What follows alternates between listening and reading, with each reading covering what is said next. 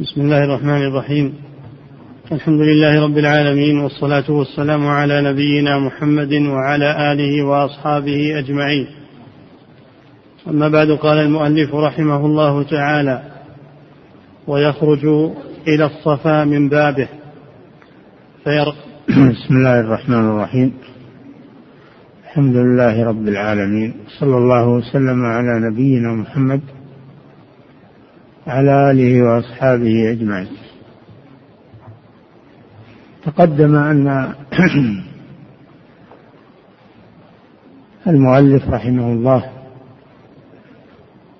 ذكر باب صفة الحج والعمرة وقد مضى قراءة الطواف وما أحكامه والآن قراءة السعي بين الصفا والمروة. والسعي بين الصفا والمروة ركن من أركان الحج. والصفا هو طرف جبل أبي قبيس. والمروة طرف جبل قعيقعان. هذان الجبلان هما الأخشبان اللذان بينهما الوادي الذي فيه البيت العتيق وفيه الصفا والمروة. وأصل السعي أن هاجر أم إسماعيل لما جاء إبراهيم عليه الصلاة والسلام بها وبابنها إسماعيل رضيعا ووضعهما في هذا الوادي عند مكان البيت. وكان في ذاك الوقت ليس فيه أنيس ولا سكان وليس فيه ماء. ولا أحد. فوضعها وابنها في هذا المكان وحدهما. فاستغربت وضعهما ثم إنه انصرف ذاهبا إلى الشام. استغربت أنه وضعهما في هذا المكان وتركهما. فلحقت به وقالت لما تتركنا في هذا المكان؟ فلم يجبها ولم يلتفت إليه. ثم إنها ألحت وقالت كيف تتركنا في هذا المكان؟ ثم إنه لم يجبها. ثم قالت في المرة الثالثة الله أمرك بهذا؟ قال نعم.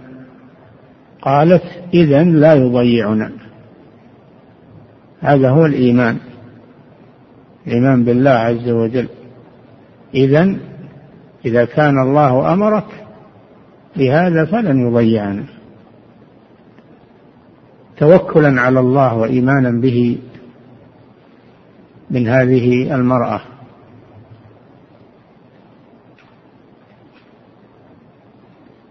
وترك معهما شيئا من الماء قليلا من الماء. فجعلت تشرب من من الماء ومن وتأكل مما تركه لهما إلى أن نفد الماء. وصار الطفل يتلمط من شدة العطش. وليس عندها أحد. فذهبت إلى الصفا أقرب جبل إليها وصعدت فوقه تنظر لعلها ترى هل حولها أحد. فلم ترى أحدا ثم نزلت متوجهة إلى المروة إلى الجبل الثاني واعترضها الوادي منخفض. فلما نزلت في الوادي وانخفضت أسرعت. ثم لما صعدت من الجانب جانب الوادي الثاني مما يلي المرأة المروة جعلت تمشي على هينتها. حتى صعدت المروة. التفتت يمينا وشمالا فلم ترى أحدا. ثم نزلت وذهبت إلى الصفا. إلى أن أكملت سبع مرات. انتهت بالمروة. فسمعت صوتا. سمعت عند ذلك صوتا. ولا ترى أحدا فالتفتت إلى الصبي. وإذا جبريل عليه السلام عنده يبحث الأرض. فنبع الماء ماء زمزم. نبع الماء عندهم. فجعلت تكفكف تكفكف الماء لئلا يسيل وهي تشرب وترضع ولدها. وانفرجت الشدة عند ذلك. واطمأنت عند ولدها وعندها الماء. فبينما هم كذلك إذا بقبيلة أقبلت. قبيلة أقبلت تبحث عن الكلأ كعادة البادية فرأوا طيورا تحوم في الموضع الذي فيه المرأة وابنها فقالوا إن هذه الطيور ما تحوم إلا عندها ماء. وليس عهدنا بهذا الوادي ليس فيه ماء ولكن هذه الطيور علامة الماء. جاءوا إليها فوجدوا الوضع وجدوا المرأة ووجدوا عندها الماء فعرضوا عليها أن ينزلوا عندها. قالت لا بأس ولكن ليس لكم من الماء شيء. قالوا نعم. فنزلوا عندها وجاءها الأنيس والجيران. ثم جاء إبراهيم عليه السلام فوجد الوضع مستقرا واطمأن على على جاريته وابنها ثم رجع إلى الجهة التي جاء منها. ثم جاء مرة ثانية ووجد أن إسماعيل قد بلغ قد بلغ سن الرشد وتزوج من القبيلة. وسأل المرأة امرأته فكأنها شكت ولم ولم تشكر النعمة فقال لها إذا إذا جاءك إسماعيل فقولي إن جاءني رجل صفته كذا وكذا وقال قولي له يغير عتبة بابه. فلما جاء وأخبرته قال ذاك أبي. وأمرني أن أطلقك. الحقي بأهلك. ثم تزوج أخرى أحسن منها. فجاء إبراهيم عليه السلام وسأل فأثنت على الله خيرا وقالت إنا بنعمة وبخير. ثم انصرف. قال لها قولي له يمسك عتبة بابه فلما جاء هل جاءكم من أحد؟ قالت نعم جاءنا شيخ صفته كذا وكذا. وقال قولي له يمسك عتبة بابه سألنا عن حالنا فأثنيت خيرا فقال قولي له يمسك عتبة بابه قال هذا أبي وقد أمرني أن أمسكك. ثم جاء المرة الثالثة والتقى بإسماعيل. مرتين الأولين إسماعيل غائب يلتمس الصيد. يلتمس الصيد الذي يعيشون عليه. فصادف إسماعيل عليه السلام تحت الشجرة يستظل فتعانقا واستقبل إسماعيل أباه فقال إبراهيم إن الله أمرني أن أبني بيتا ها هنا. تعينني؟ قال نعم أعينك. عند ذلك قام ببناء البيت العتيق. وإذ بوأنا لإبراهيم مكان البيت. فهذا أصل السعي. هو ما فعلته أم إسماعيل بلهفة وضيق وشدة حتى فرج الله لها. فنحن كذلك نحن نحمل ذنوبا وسيئات ونخاف من الله ونخاف من ذنوبنا فنسعى بين الصفا والمروة. ندعو الله سبحانه وتعالى أن يغفر لنا وأن يضاعف حسناتنا. هذا هو أصل السعي بين الصفا والمروة. قال الله جل وعلا إن الصفا والمروة من شعائر الله. فمن حج البيت أو اعتمر فلا جناح عليه أن يطوف بهما. كان في الجاهلية قبل بعثة النبي صلى الله عليه وسلم كان على الصفا والمروة صنمان للمشركين كما كان على الكعبة أصنام أيضا. يقال لهما إساف ونائلة.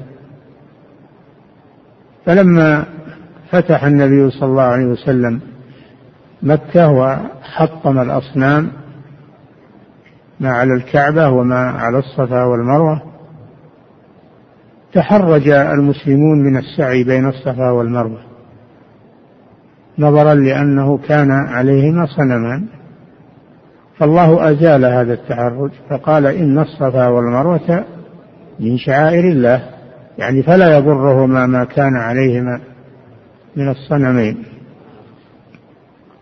إن الصفا والمروة من شعائر الله فمن حج البيت أو اعتمر فلا جناح عليه أن يطوف بهما فلا جناح عليه إزالة لما كان في أذهانهم من من كراهية السعي بين الصفا والمروة لأنه كان عليهما صنمان فلا جناح عليه أن يطوف بهما.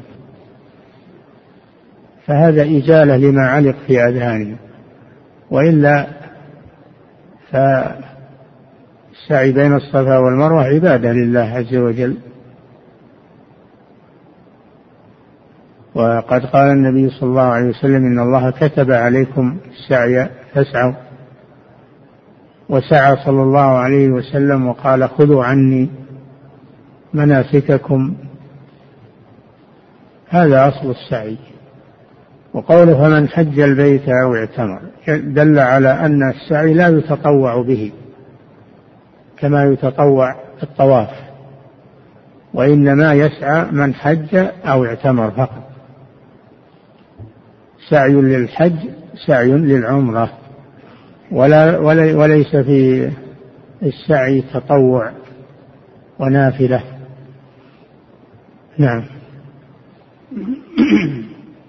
ويخرج إلى الصفا من بابه.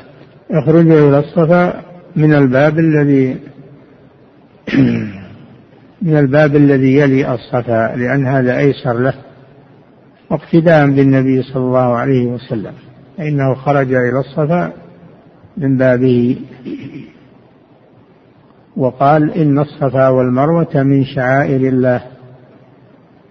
فمن حج البيت أو اعتمر فلا جناح عليه أن يطوف بهما أبدأ بما بدأ الله به.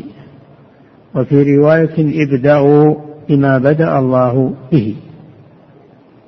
فبدأ بالصفا عليه الصلاة والسلام. نعم. ويخرج إلى الصفا من بابه فيرقاه حتى يرى البيت. يرقى على الصفا حتى يرى البيت يرى الكعبة. وهذا يوم كان البنيان منخفض أما الآن فالكعبة لا يراها من يصعد على الصفا لكن يقف على الصفا ويتجه إلى الكعبة ويدعو الله سبحانه وتعالى ثم ينزل. نعم. فيكبر ثلاثا ويقول ما ورد. كبروا ثلاثا الله أكبر الله أكبر الله أكبر ثم يقول ما ورد. ومنه لا إله إلا الله له لا شريك له له الملك وله الحمد وهو على يحيي ويميت وهو على كل شيء قدير. صدق الله وعده ونصر عبده وأعز جنده وهزم الأحزاب وحده. ثم ينزل متوجها إلى المروة. ابتداء بالشوط الأول. نعم. ثم يمشي ثم ينزل ماشيا إلى العلم الأول. العلم العلم الأول والعلم الثاني. هما العلمان العمودان. العلم هو العمود الأخضر. وهما علمان بينهما الوادي مكان الوادي. إلا الآن تساوى المسعى لكن كان في الأول الوادي منخفض. فإذا نزل في الوادي أسرع إلى أن يصعد من الجهة الثانية. وجعلوا هذين العمودين الأخضرين علامة على بداية الوادي ونهايته. فيسعى بين العلمين يعني يسرع بين العلمين وإذا تجاوزهما يمشي على هينته. نعم. ثم ينزل ماشيا إلى العلم الأول فيسعى شديدا إلى الآخر. آخر. إلى فيسعى شديدا إلى الآخر ثم يمشي ويرقى المروة ويقول إذا بلغ المروة انتهى الشوط الأول. يرقى عليها ويقول مثل ما قاله على الصفا. نعم. ويرقى المروة ويقول ما قاله على الصفا ثم ينزل فيمشي في ثم ينزل هذه بداية الشوط الثاني متوجها إلى الصفا. نعم. ثم ينزل فيمشي في موضع مشيه ويسعى في موضع سعيه إلى الصفا. موضع السعي عرفنا هو الوادي. ما بين العلمين. نعم. يسعى يعني يسرع. نعم. فيمشي في موضع مشيه ويسعى في موضع سعيه إلى الصفا يفعله سبعا ويحسب ذهابه ورجوعه. نعم. ذهابه سعيه ورجوعه سعيه. يبدأ بالصفا ويختم بالمروة. هذا هو السعي. نعم. وفي طيب. أثناء السعي يدعو. أو يذكر الله أو يقرأ القرآن. نعم. ويتحلل متمتع لا هدي معه فإذا انتهى من من السعي فإن كان متمتعا فإنه يتحلل بمعنى أنه يقصر من رأسه ثم يخلع ملابس الإحرام ويلبس ثيابه. ويعود كما كان قبل الإحرام نعم. أما إن كان قارنا أو معه هدي ساقه من الحل فإنه بعد السعي يبقى على إحرامه ويكون هذا السعي سعي الحج مقدما. فيبقى على إحرامه. إلى أن ينحر هديه إلى أن يرمي الجمرة إلى أن يرمي الجمرة ويحلق رأسه ثم يتحلل. نعم. ويتحلل متمتع لا هدي معه بتقصير شعره. يعني المتع... المتع... الذي لا هدي معه يستحب له أن يتحلل ويجعلها عمرة ثم يحرم بالحج بعده.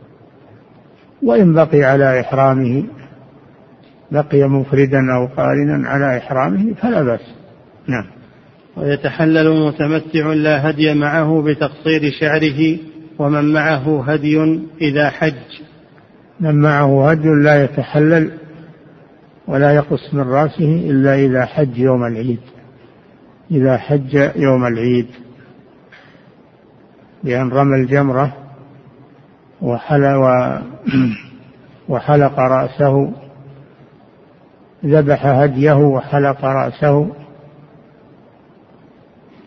فحينئذ يتحلل التحلل الأول فإذا طاف وسعى تحلل تحلل الثاني الكامل. نعم. والمتمتع يقطع التلبية إذا أخذ في الطواف. نعم. ومن حين يحرم يلبي. فإذا شرع المتمتع في طواف العمرة قطع التلبية لأنه شرع في التحلل. أما القارن والمفرد فيلبيان يستمران في التلبية إلى يوم العيد. نعم. فصل في صفة الحج والعمرة. نعم. يسن لمحل بمكة الإحرام بالحج يوم التروية. فإذا جاء يوم التروية إذا جاء يوم التروية وهو اليوم الثامن من ذي الحجة. سمي يوم التروية لأن الناس كانوا يتروون الماء معهم ويذهبون به إلى المشاعر لأنه لم يكن في المشاعر في ذاك الوقت ماء. فيحملونه من مكة. لهذا سمي يوم التروية.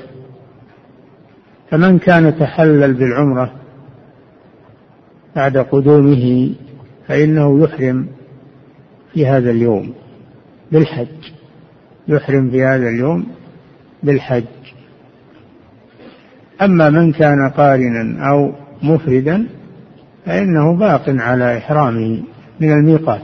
نعم. يسن يسن لمحل بمكة الإحرام بالحج يوم التروية.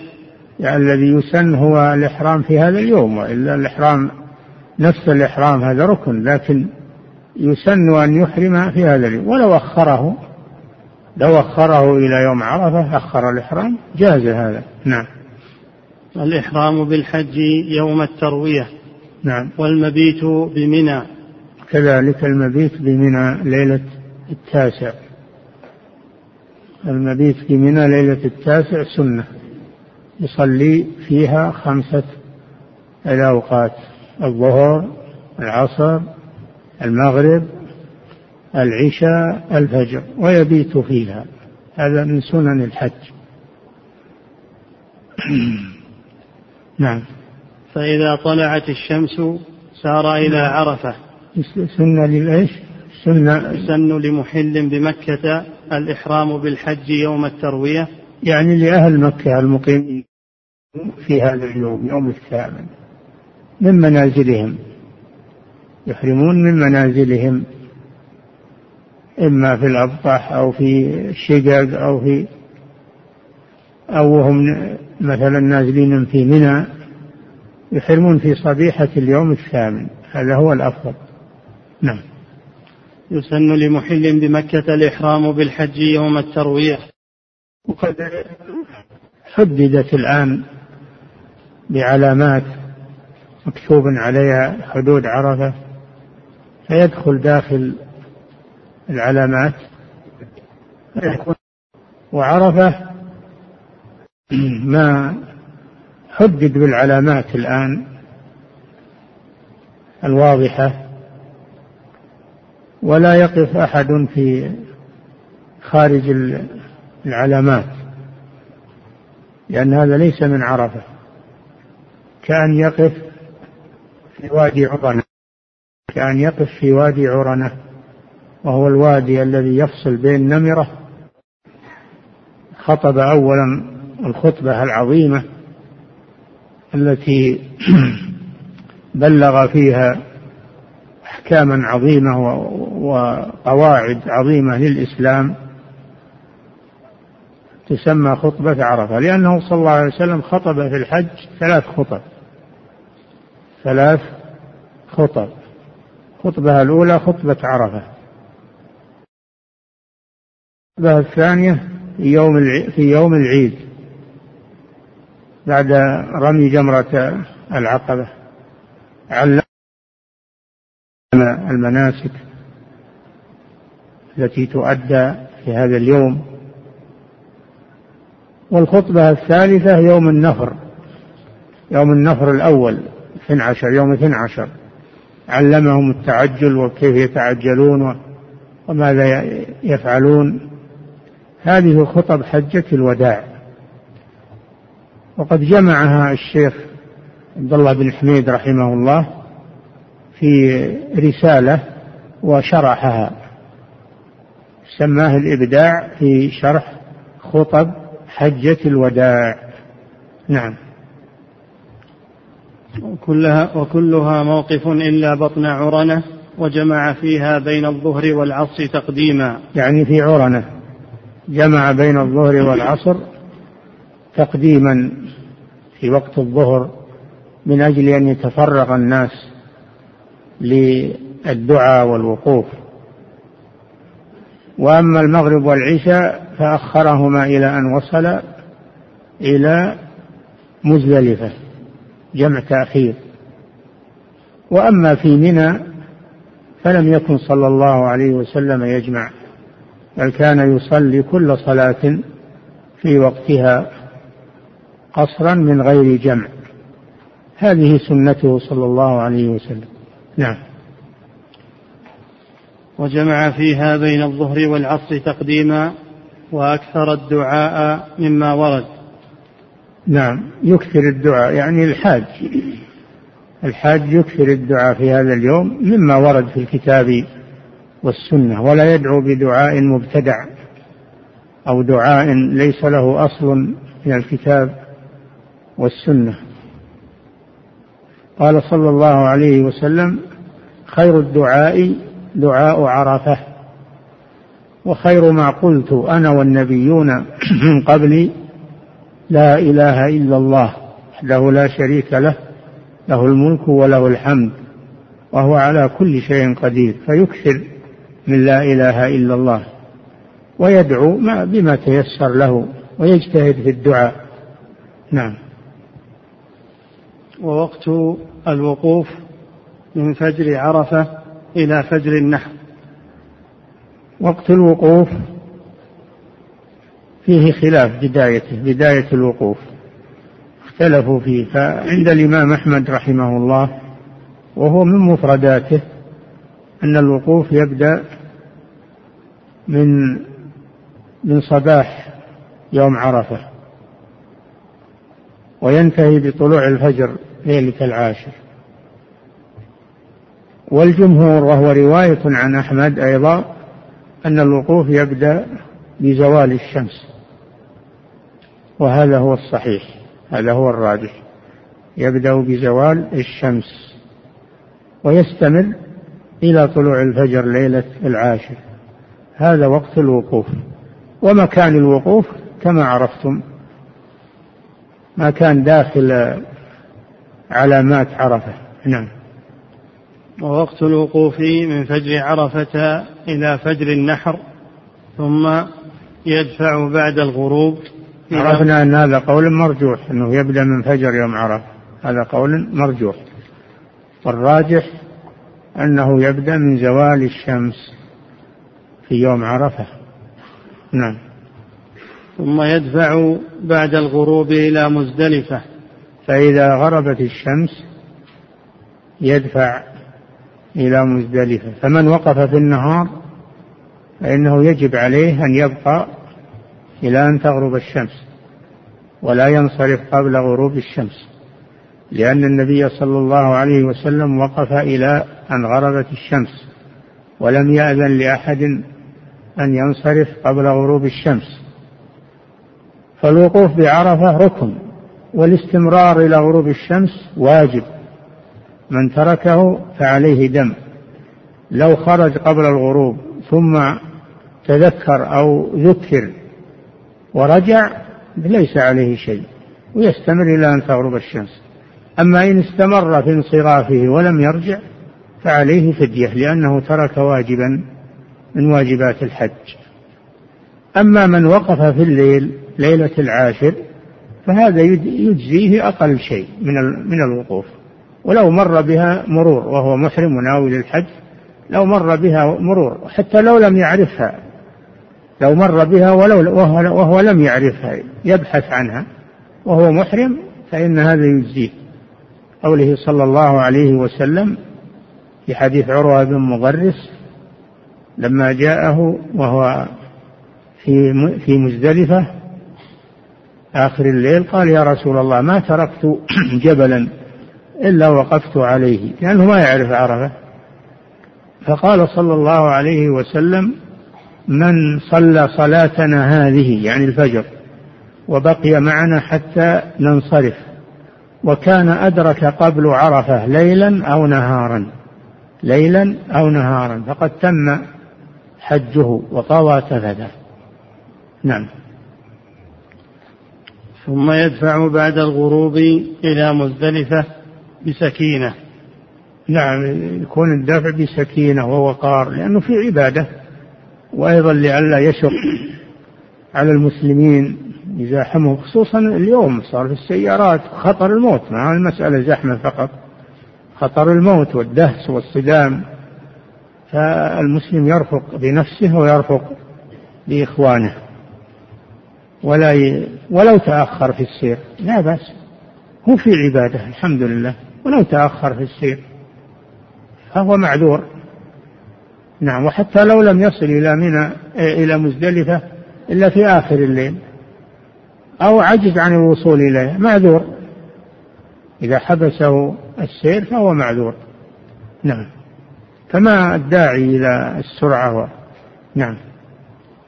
وكان صلى الله عليه وسلم في دفعه راكبا على راحلته ويقول أيها الناس السكينة السكينة.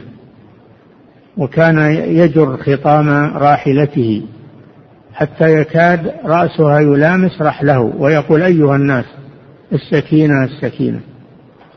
هذا يدل على أنه ينصرف من عرفة بهدوء وسكينة وهو في عبادة ولا داعي للعجلة. نعم. ويجمع فيها بين العشاءين تأخيرا. إي نعم إذا وصل. ما يصلي في الطريق بل إذا وصل إلى مزدلفة فإنه يصلي المغرب والعشاء تأخيرا ثم يبيت فيها. نعم. ويبيت بها فإذا صلى الصبح أتى المشعر, أتى المشعر الحرام. يبيت بمزدلفة والمبيت بمزدلفة واجب من واجبات الحج لأن النبي صلى الله عليه وسلم بات فيها وقال خذوا عني مناسككم. الله جل وعلا قال فإذا أفضتم من عرفات فاذكروا الله عند المشعر الحرام. وقد بين النبي صلى الله عليه وسلم ذكر الله في المشعر الحرام. وهو جمع الصلاتين أول ما يصل والمبيت فيها وصلاة الفجر فيها والدعاء بعد صلاة الفجر كل هذا ذكر لله عز وجل. بين صلى الله عليه وسلم قوله تعالى فاذكروا الله عند المشعر الحرام وأن منه المبيت فهو ذكر الله أنت نايم وأنت في ذكر لله عز وجل أنت في عبادة. أنت نايم ومرتاح وأنت في عبادة لأنك ممتثل لأمر الله سبحانه وتعالى ومتبع للرسول صلى الله عليه وسلم. نعم. والمشعر الحرام قيل هو مزدلفة سمى المشعر الحرام. وقيل جبل الجبل الصغير الذي عليه المسجد الآن هذا هو آه، المشعر الحرام. وقال عند المشعر الحرام. يعني حوله. كل مزدلفة حول الجبل هذا. نعم. ويبيت بها فإذا صلى. السر في قوله عند المشعر ولم يقل اذكروا الله في المشعر الحرام. لأنه لو قال هذا لانحصر الناس كلهم في الجبل. لكن قال عند المسجد الحرام. يعني حوله. والنبي صلى الله عليه وسلم وقف عند الجبل بعد الفجر ودعا وقال وقفتها هنا وجمع يعني مزدلفة كلها موقف كل كل مزدلفة موقف. تقف تدعو الله في أي مكان من مزدلفة ما هو لازم تروح للجبل. نعم. فإذا صلى الصبح أتى المشعر الحرام فرقاه ووقف عنده وحمد الله وكبر وقرأ. فإذا أفضتم من عرفات الآيتين ويدعو نعم قلنا إن ذكر الله في المشعر الحرام يشمل يشمل جمع الصلاة المغرب والعشاء ويشمل المبيت ويشمل صلاة الفجر ويشمل الدعاء الذي بعد الفجر. كل هذا ذكر لله سبحانه وتعالى وكله عند المشعر الحرام. نعم. وقرأ فإذا أفضتم من عرفات الآيتين ويدعو حتى يسفر. إذا أفضتم من عرفات من عرفات فاذكروا الله عند المشعر الحرام. واذكروه كما هداكم وإن كنتم من قبله لمن الضالين. ثم أفيضوا يعني إلى إلى منى. ثم أفيضوا من حيث أفاض الناس. واستغفروا الله إن الله غفور رحيم. هاتان الآيتان. نعم. ويدعو حتى يسفر ثم يدفع إلى منى. يدفع إلى إلى منى قبل طلوع الشمس مخالفة للمشركين. لأن المشركين يبقون في مزدلفة إلى أن تطلع الشمس وتكون على ظهور الجبال ثم يدفعون. النبي صلى الله عليه وسلم خالفهم ودفع قبيل طلوع الشمس. نعم. ثم يدفع إلى منى فإذا بلغ محسرا أسرع رمية حجر. محسر واد بين بين مزدلفة ومنى فاصل بينهما. واد بين مزدلفة ومنى وهو فاصل بينهما. ويسرع فيه. ولا ينزل فيه الحجاج ما ينزلون في وادي محسر بل يسرعون إذا مروا عليه وهو قدر رمية حجر يعني عرضه قدر رمية حجر ما هو بعريض. نعم. فإذا بلغ محسرا أسرع رمية حجر وأخذ وأخذ حصى الجمار سبعين أكبر من الحمص ودون البندق. السنة أنه يأخذ سبع ما يرميه هذا اليوم. يأخذه من طريقه. يأخذه من طريقه ما بين منى ما بين مزدلفة إلى منى. سبع حصيات كما فعل النبي صلى الله عليه وسلم. أما بقية الحصى فكل يوم يأخذ من منزله من منى. كل يوم يأخذ سبع آه، واحد وعشرين. كل يوم يأخذ واحد وعشرين من منزله في منى. نعم أنه يجمع الحصى سبعين جميع ويحملن هذا ليس عليه دليل. نعم. أكبر من الحمص. وصفة الحصاة الواحدة أنها أكبر من حب الحمص. ودون البندق والبندق شيء يعملونه من الطين الفخار يستعملونه في رمي الصيد. يستعملونه في رمي الصيد. هذا البندق. الحصاة الجمرة تكون بين بين الحمص فوق الحمص ودون البندق. حصى الخذف. حصى الخذف يعني قدر ما يخذف على الأصابع. سمي حصى الخذف لأنه بقدر ما يخذف على الأصابع. فلا يكون كبارا لأن هذا غلو في الدين ولا يكون صغارا جدا. لأن هذا خلاف السنة وإنما يكون متوسط الحجم. نعم. فيرمي جمرة العقبة وحدها بسبع. يوم العيد يرمى جمرة العقبة فقط. وجمرة العقبة هي الجمرة الأخيرة مما يلي مكة وتسمى الجمرة الكبرى. فيرميها بسبع حصيات متعاقبات. ويقول مع كل حصاة الله أكبر. يذكر الله سبحانه وتعالى عند الرمي. نعم. يرفع يمناه حتى يرى بياض إبطه. يعني إذا أراد أن يرمي الحصاة يرفع يده بشدة ثم يرمي الحصاة حتى تقع في الحوض. لا يضع الحصى في الحوض وضعا أو يرميه بدون أنه يرفع يده. بل يرفع يده؟ هذا هو السنة. نعم. يرفع يمناه حتى يرى بياض إبطه ويكبر مع كل حصاة نعم. ثم ينحر وإذا فرغ من رمي الجمرة شوف أول شيء يبدأ به حينما يصل إلى منى أول شيء يبدأ به الرمي لأنه تحية منى. تحية منى هو الرمي. فأول ما يصل يعمد إلى الجمرة فيرميها بسبع حصيات. ثم إن كان معه هدي ينحره. وإن لم يكن معه هدي فإنه يحلق رأسه ويتحلل. نعم. ثم ينحر ويحلق أو يقصر من جميع شعره. من جميع شعره. لا يكفي أنه يحلق من جانب من الرأس ويترك الباقي. ليس هذا. الله جل وعلا قال محلقين رؤوسكم ومقصرين. ولم يقل محلقين بعض رؤوسكم. النبي صلى الله عليه وسلم حلق رأسه كله عليه الصلاة والسلام. والتقصير مثل الحلق. كما أن الحلق يكون لجميع الرأس فكذلك التقصير. فلا بد أن يستوعب رأسه ولا يأخذ من جانب ويترك بقية الجوانب. نعم. ويحلق أو يقصر من جميع شعره.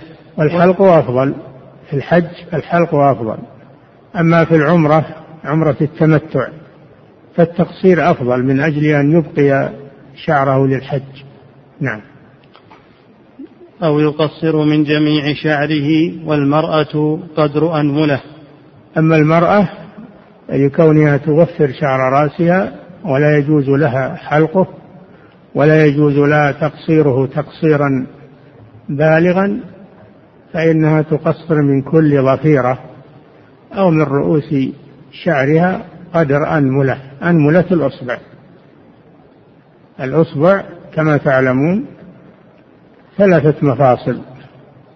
كل مفصل يسمى أنملة والإبهام أنملتان فقط لأن الإبهام ليس فيه إلا مفصل واحد فهو أنملتان نعم.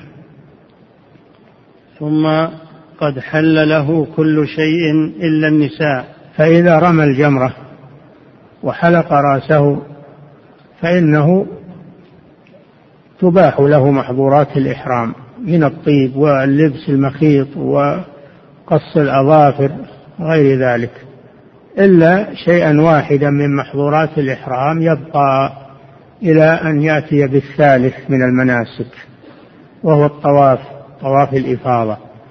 فلا فلا يستمتع بامرأته حتى يطوف طواف الإفاضة بعد الرمي والحلق.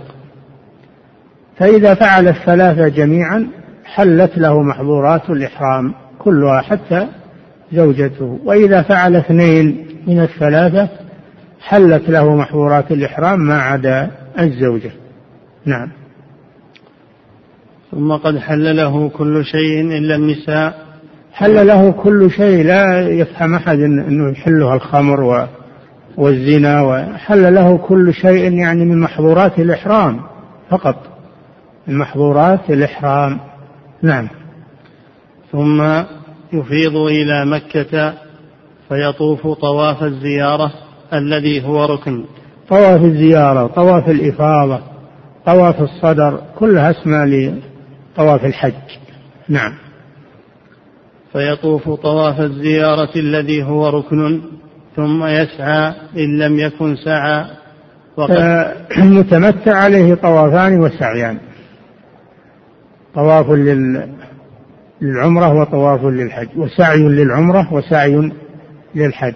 أما القارن والمفرد فعليهما طواف واحد وسعي واحد للحج والعمرة لأنهما مقترنان. وهذا السعي إن شاء قدمه بعد طواف القدوم وإن شاء أخره بعد طواف الإفاضة. نعم. ثم يسعى إن لم يكن سعى. يعني القارن والمفرد إذا كان سعيا بعد القدوم فلا يكرران السعي. لأنه كما سبق لكم السعي لا يكرر. ولا وليس فيه نافلة مثل الطواف. نعم. وقد حل له كل شيء. كل شيء من محظورات الإحرام حتى زوجته. نعم. وسن أن يشرب من زمزم لما أحب آه المؤلف لم يذكر الترخيص للضعفة لم يذكر الترخيص للضعفة أن ينصرفوا من مزدلفة بعد منتصف الليل. وهذا ثابت في السنة. أن النبي صلى الله عليه وسلم رخص للضعفة الذين لا يستطيعون البقاء إلى ما بعد الفجر رخص لهم أن ينصرفوا بعد منتصف الليل ويرموا الجمرة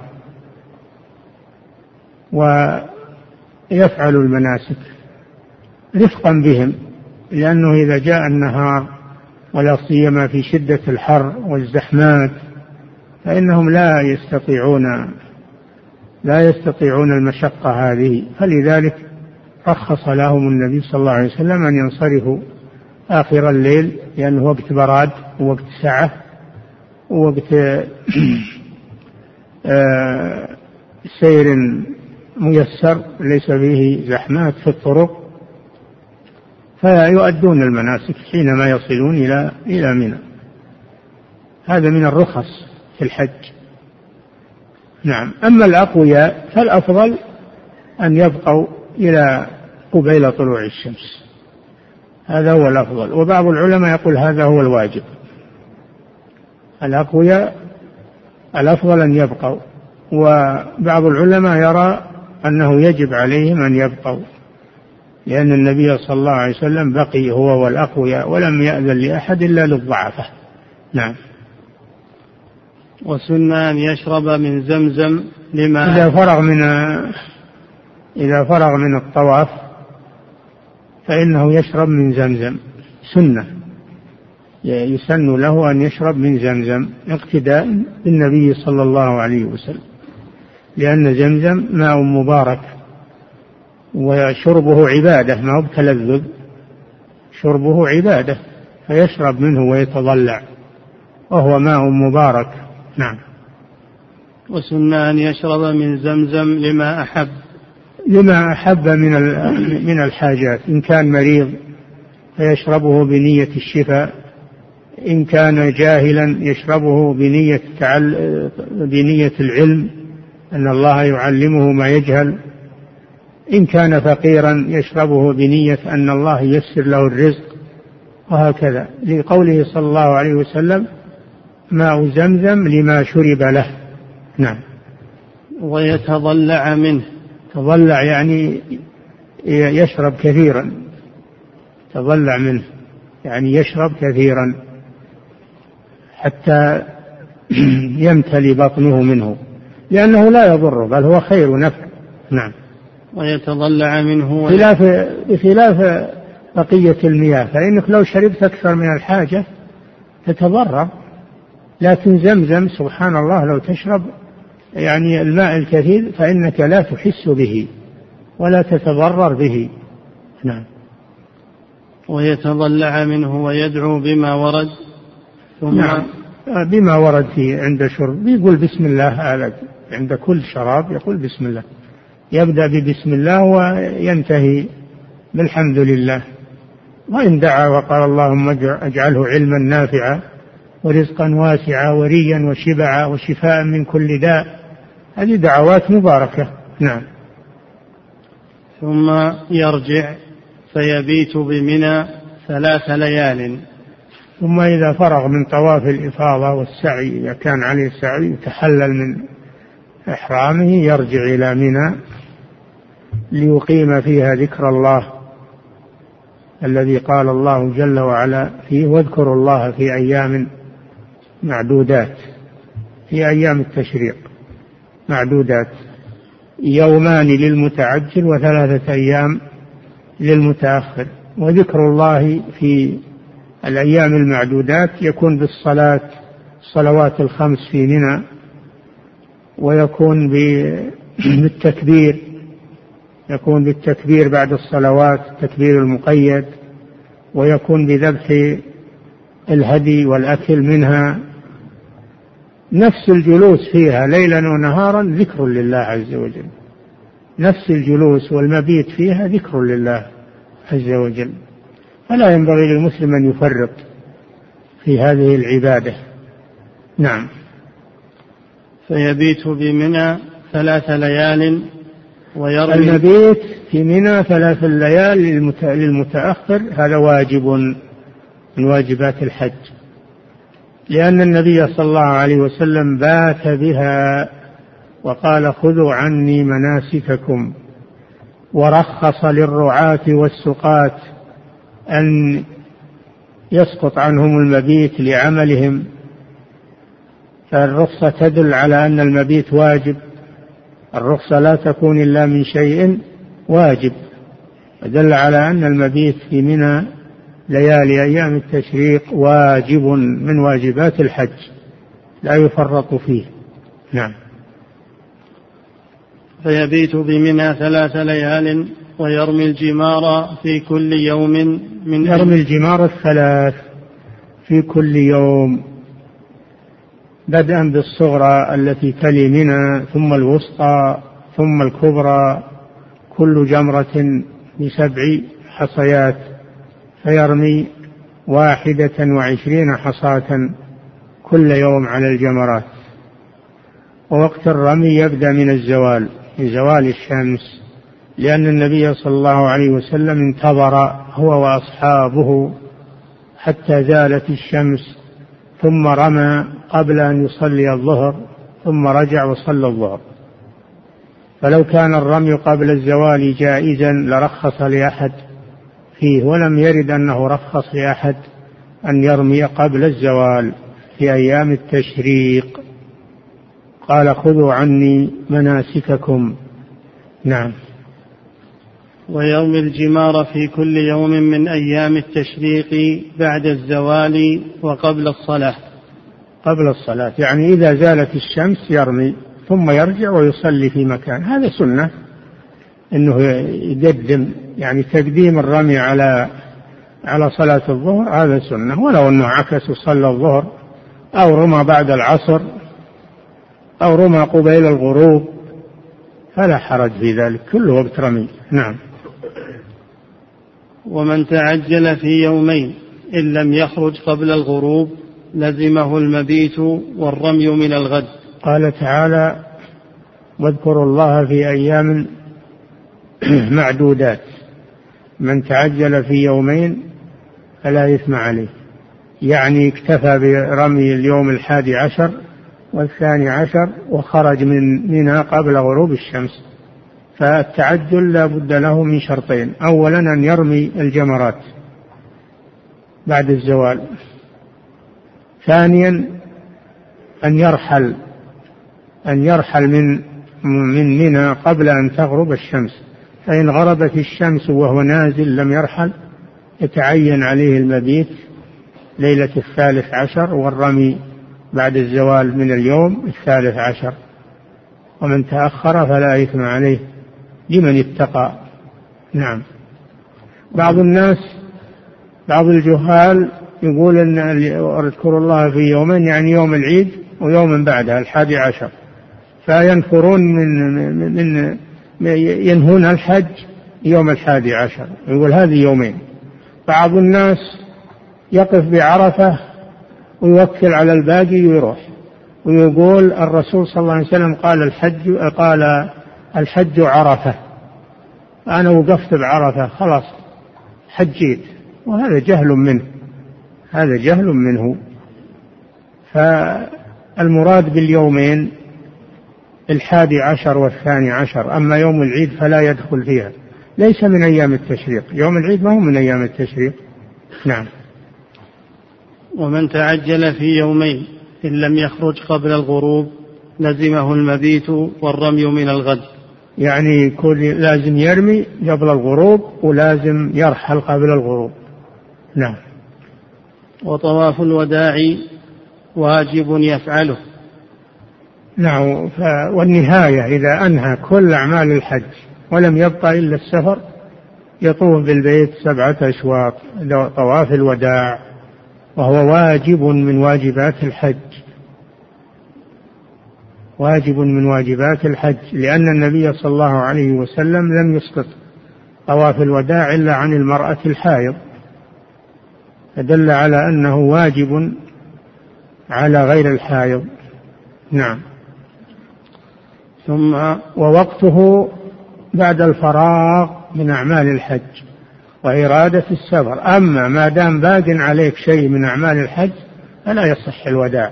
لأن بعض الناس ينزل في صباح في صباح اليوم الثاني عشر أو أو الثالث عشر ينزل إلى مكة ويطوف للوداع ثم يرجع ويرمي الجمرات. هذا ما يصح لأنه ما كمل الحج. لكن عليه الرمي. نعم. وطواف الوداع واجب يفعله ثم يقف في الملتزم داعيا بما ورد. ليس هذا بلازم. يطوف للوداع ثم ينصرف. وإذا وقف ودعا بعد طواف الوداع فلا بأس بذلك. والملتزم هو ما بين الركن والباب. الملتزم هو ما بين باب الكعبة والحجر الأسود. فإذا وقف في هذا المكان ودعا فيرجى له القبول. أو يدعو في أي مكان من المسجد الحرام مستقبلا للكعبة. نعم. ثم يقف في الملتزم داعيا بما ورد وتدعو الحائض والنفساء على باب المسجد. الحائض والنفساء ليس عليهما وداع. وإن وإذا وقف عند باب المسجد الحرام ودعت عند خارج المسجد فلا بأس. نعم.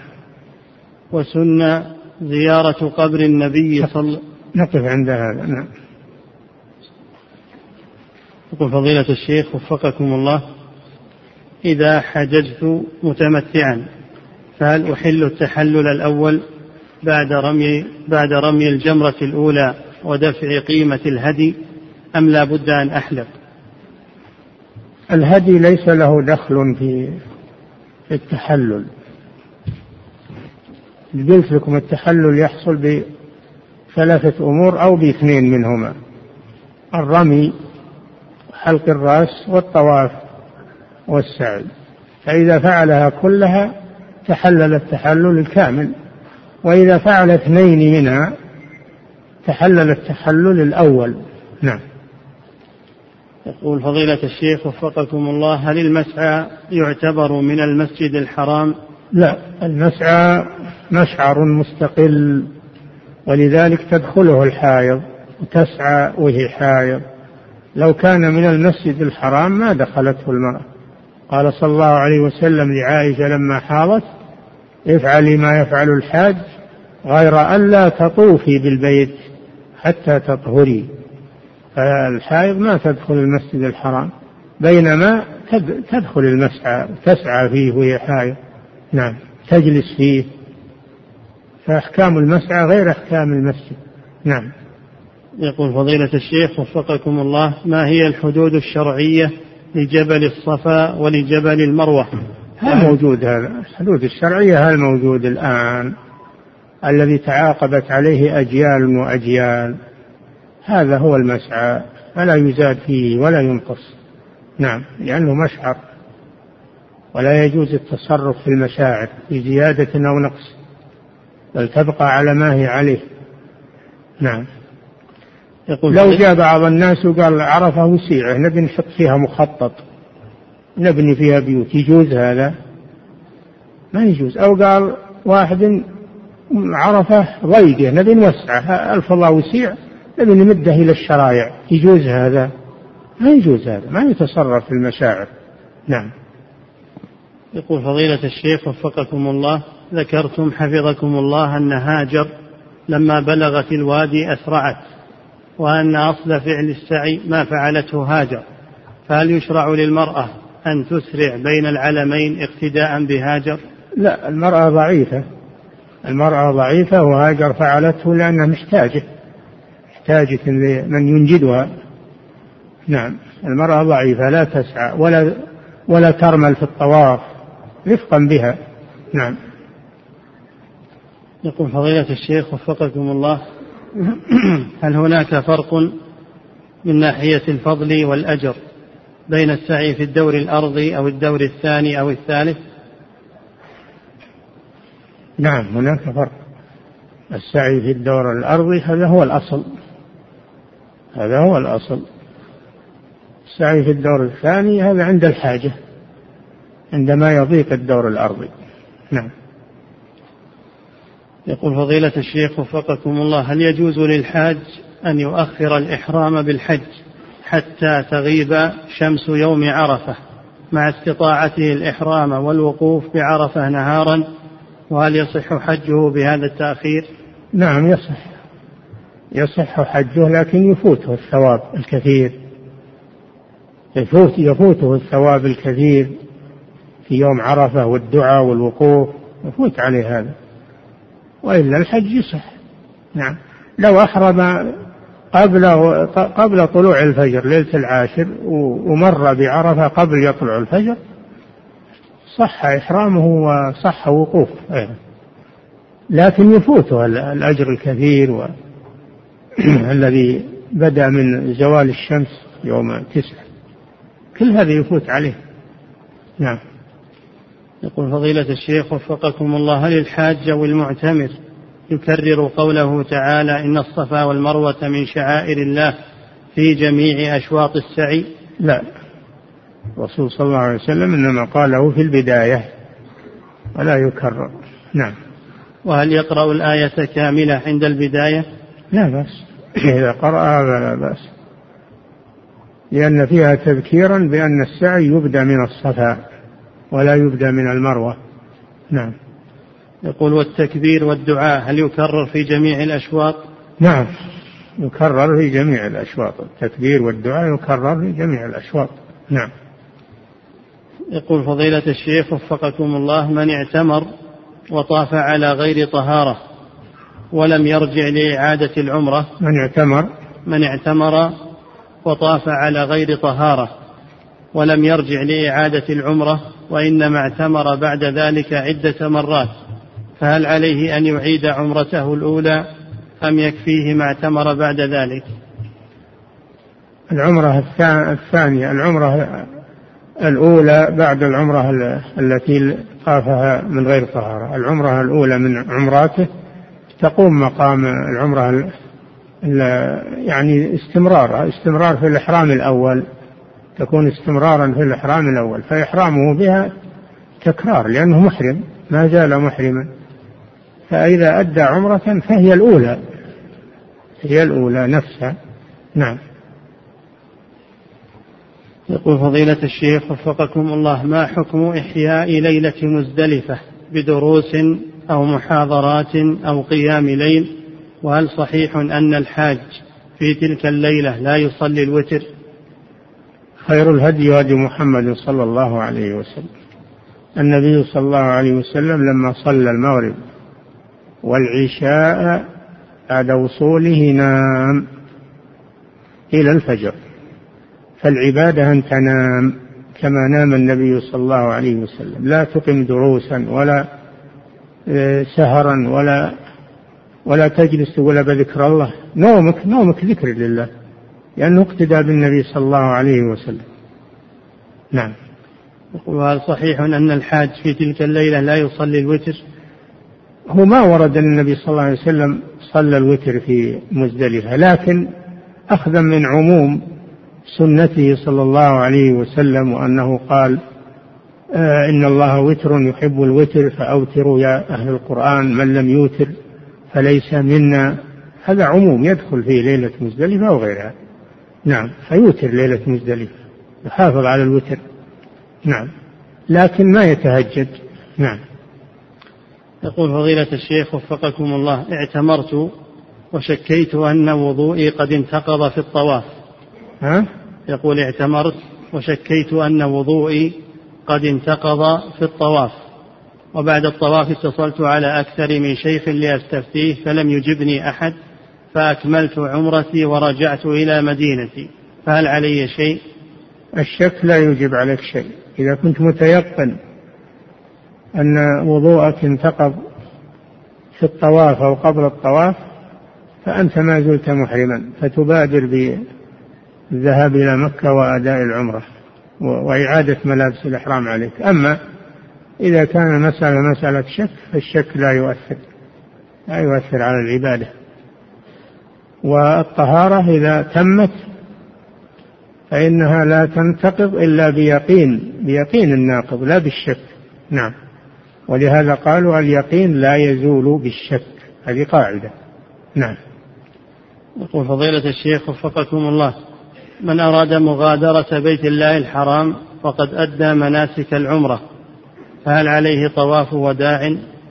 العمرة ليس لها وداع لأن النبي صلى الله عليه وسلم لم يأمر المعتمرين بطواف الوداع إنما أمر به الحجاج فقط. نعم. يقول فضيلة الشيخ وفقكم الله هل من سعى في حدود طريق العربات يكفيه ذلك أم لا بد أن يصل إلى آخر المسعى؟ الرقي على الصفا والمروة سنة. الواجب والفرض أن تستوعب ما بين الصفا والمروة تستوعب ما بين الصفا والمروة ولو لم تصعد عليهما. نعم. يقول فضيلة الشيخ وفقكم الله في دعاء يوم عرفة هل يشرع رفع اليدين بالدعاء أم يدعو بدون رفع لهما؟ يرفع يديه. يرفع يديه بالدعاء ويجتهد. نعم. يقول فضيلة الشيخ وفقكم الله وكذلك ما حكم رفع اليدين بالدعاء بعد الانتهاء من رمي الجمرة أيام التشريق؟ نعم كذلك. نعم. يقول بعد رفع اليدين بعد الانتهاء من رمي الجمرة أيام التشريق. يعني الجمرة الصغرى والوسطى نعم يدعو بعدهما ويرفع يديه. أما الكبرى فلا يدعو بعدها بل ينصرف. نعم. يقول فضيلة الشيخ وفقكم الله ما هي كيفية السعي بين العلمين؟ هل هي بشدة أم سعي خفيف؟ لأننا نرى من يركض ركضا شديدا فهل هذا مشروع؟ إي نعم. تسعى جهدك تسعى جهدك. نعم. يقول فضيلة الشيخ وفقكم الله من أراد أن يؤخر رمي جمرات اليوم الأول واليوم الثاني إلى اليوم الثالث بدعوى الاطمئنان والسكينة وعدم المزاحمة. هل له ذلك وإن كان قويا؟ نعم هذا جائز. هذا جائز إن عند الحاجة. أما إذا كان ما له حاجة وهو قوي فيرمي كل يوم بيومه لكن إذا كان زحمات وخطر أو هو مريض أو كبير السن أو امرأة وأخروا الرمي إلى آخر يوم وبدأوه مرتبا عن اليوم الأول ثم الثاني ثم الثالث فلا بأس بذلك. نعم. يقول فضيلة الشيخ وفقكم الله هل لو قطعت السعي لصلاة الفريضة أو بسبب صلاة الفريضة؟ نعم. يقول هل لو قطعت السعي بسبب إقامة صلاة الفريضة؟ هل يعاد هذا الشوط الذي قطع من أوله كالطواف؟ نعم. اللي قبله اللي قبل الشوط صحيح. أما الشوط اللي صليت فيه فأنت قطعته فتعيده من أوله. نعم. يقول فضيلة الشيخ وفقكم الله حججت في العام الماضي وسؤالي أنني قد رميت في اليوم الثاني عشر قبل الزوال نظرا لسماع فتوى في ذلك فهل هذا الفعل مني صحيح؟ ما سمعت سنة الرسول صلى الله عليه وسلم أنه لم يرمي إلا بعد الزوال ولم يرخص لأحد. تأخذ فتوى قول وتخلي السنة. هذا لا يصلح. يكون عليك فدية. لأنه عبارة أنك ما رميت. رميت قبل الوقت. فيكون عليك فدية. تذبحها في مكة وتوزعها على الفقراء. نعم. يقول فضيلة الشيخ وفقكم الله هل ينكر على من لم يحرم في اليوم الثامن للحج وهو جالس بمنى وليس عنده مانع إلا الكسل. ما ينكر عليه لكن قال له تفوتك الفضيلة تفوتك الفضيلة فأحرم أحسن لك وأكمل لك أجرا. أما الإنكار تقول أنت فعلت ما لا يجوز وأنت غلطان أو ما أشبه ذلك فلا. نعم. يقول فضيلة الشيخ وفقكم الله من أخره السير ولم يصل إلى مزدلفة إلا في الصبح فما الذي عليه؟ ليس عليه شيء لأنه معذور. هو يسير يبي يبي مزدلفة ويريدها لكن حبسه العذر وهو السير. فليس عليه شيء. نعم. يقول فضيلة الشيخ وفقكم الله ما أصل تسمية جبل عرفة بجبل الرحمة؟ هل لذلك أصل في الشريعة؟ لا ليس له أصل. ليس له أصل فيما نعلم إنما هذه تسمية عند الناس سارت عند الناس. وهو كان يسمى إلال جبل, جبل إلال عند العرب. نعم. يقول فضيلة الشيخ وفقكم الله العمود الذي على جبل الرحمة هل له أصل في الشرع؟ لا هذا محدث وليته يزال لأنهم صاروا يتبركون به الآن يصلون إليه. ويتمسحون به يظنون مساكين يظنون أنه وهو محدث على الجبل ما, ما كان معروف عند السلف ولا عليه ما كان عليه عمود. نعم. يقول فضيلة الشيخ وفقكم الله من حبسه الزحام ولم يستطع الوصول إلى مزدلفة إلا بعد طلوع الفجر وهو قادر على الذهاب على قدميه لكن معه نساء وضعفة. ما يلزمه يبقى مع النساء والضعفة ولا يلزمه أنه يروح يخليهم. بل لا يجوز له ما يجوز له يروح يخليهم. نعم. يقول فضيلة الشيخ وفقكم الله هل يدخل في الضعفة النساء عامة سواء كانت المرأة صغيرة سن وقوية أو كبيرة؟ المرأة الآن ضعيفة في في الحج في الأزمنة الأخيرة الزحمات الشديدة. هي ضعيفة. الرجال ما يطيقون الزحمات هذه كيف بالنساء؟ نعم. الظروف الآن تغيرت. نعم. يقول فضيلة الشيخ وفقكم الله هل إذا رأيت أحدا يسعى بين الصفا والمروة وعليه وليس عليه ملابس الإحرام وإنما عليه الملابس المعتادة هل ينكر عليه؟ نعم. يمكن إنه ما سعى يمكن إنه يسعى للحج. يسعى بعد طواف الإفاضة للحج. يسعى بثيابه ما يخاف. أو نعم ما ما في تصور إلا هذا إنه يسعى بعد طواف الحج طواف الإفاضة وهو متمتع. وهو متمتع. يمكن هذا. نعم. يقول فضيلة الشيخ وفقكم الله. قصر النبي صلى الله عليه وسلم للصلاة في منى وغيرها هل هو من أجل السفر أو من أجل الحج؟ كلهم من أجل الحج ومن أجل السفر. نعم. وهل, وهل أهل مكة يقصرون في هذه الحال؟ نعم. حج أهل مكة مع النبي صلى الله عليه وسلم ولم يأمرهم بالإتمام. لم يأمرهم بالإتمام. فأهل مكة وغيرهم إذا حجوا سواء يجمعون ويقصرون. نعم. يقول فضيلة الشيخ وفقكم الله ما حكم رش زمزم على الجسم والرأس لأجل طلب الاستشفاء به؟ لا بأس به. شيء طيب هذا. سنة. نعم. يقول فضيلة الشيخ وفقكم الله هل يباح البول واقفا حيث رأينا في في العام الماضي في مزدلفة أماكن مخصصة للبول واقفا وعليها ستائر وكتابة تقول إن العلماء قد أفتوا بجواز ذلك؟ من هو اللي كاتب منها الكتابة هذه؟ هذا يمكن من هالشباب اللي مجتهدين هو يجوز للإنسان يبول واقفا عند الحاجة. إذا كان ما يقدر يجلس من من من أعضائه أو ركبه توجع أو مانع ما يستطيع. مانع صحي ما يستطيع. يبول واقفا. أو المكان لو جلس تلوث. المكان متلوث ولو جلس يتلوث فيبول وهو واقف لا بأس عند الحاجة لا بأس بذلك. ولا حاجة أنه يكتب أفتى وما له داعي هذا. نعم. يقول فضيلة الشيخ وفقكم الله. حتى المواضي يكتبون عليها فتاوى. هذا ما يصلح هذا. نعم. يقول فضيلة الشيخ وفقكم الله بعض من الناس أو بعض من الحجاج في العام الماضي خرجوا خرجوا من عرفة قبل غروب الشمس اعتمادا على فتوى من أفتاهم فما حكم هذا العمل؟ هذا بذمتهم هم بغوا يعتمدون على فتوى من أفتاهم هذا بذمتهم. هم بغوا يبرون ذمتهم يفدون يذبحون فدية. نعم. يقول فضيلة الشيخ وفقكم الله ما حكم جمع الحصى من عرفة؟ حيث إن كثيرا ممن كان معنا في الحملة كانوا يجمعونها من عرفة. ما يجزي ما يجزي جمع الحصى من خارج الحرام عرفة خارج الحرام. فلا يجزي هذا. نعم. يشترط أن يكون رمي حصى الجمار من الحرم.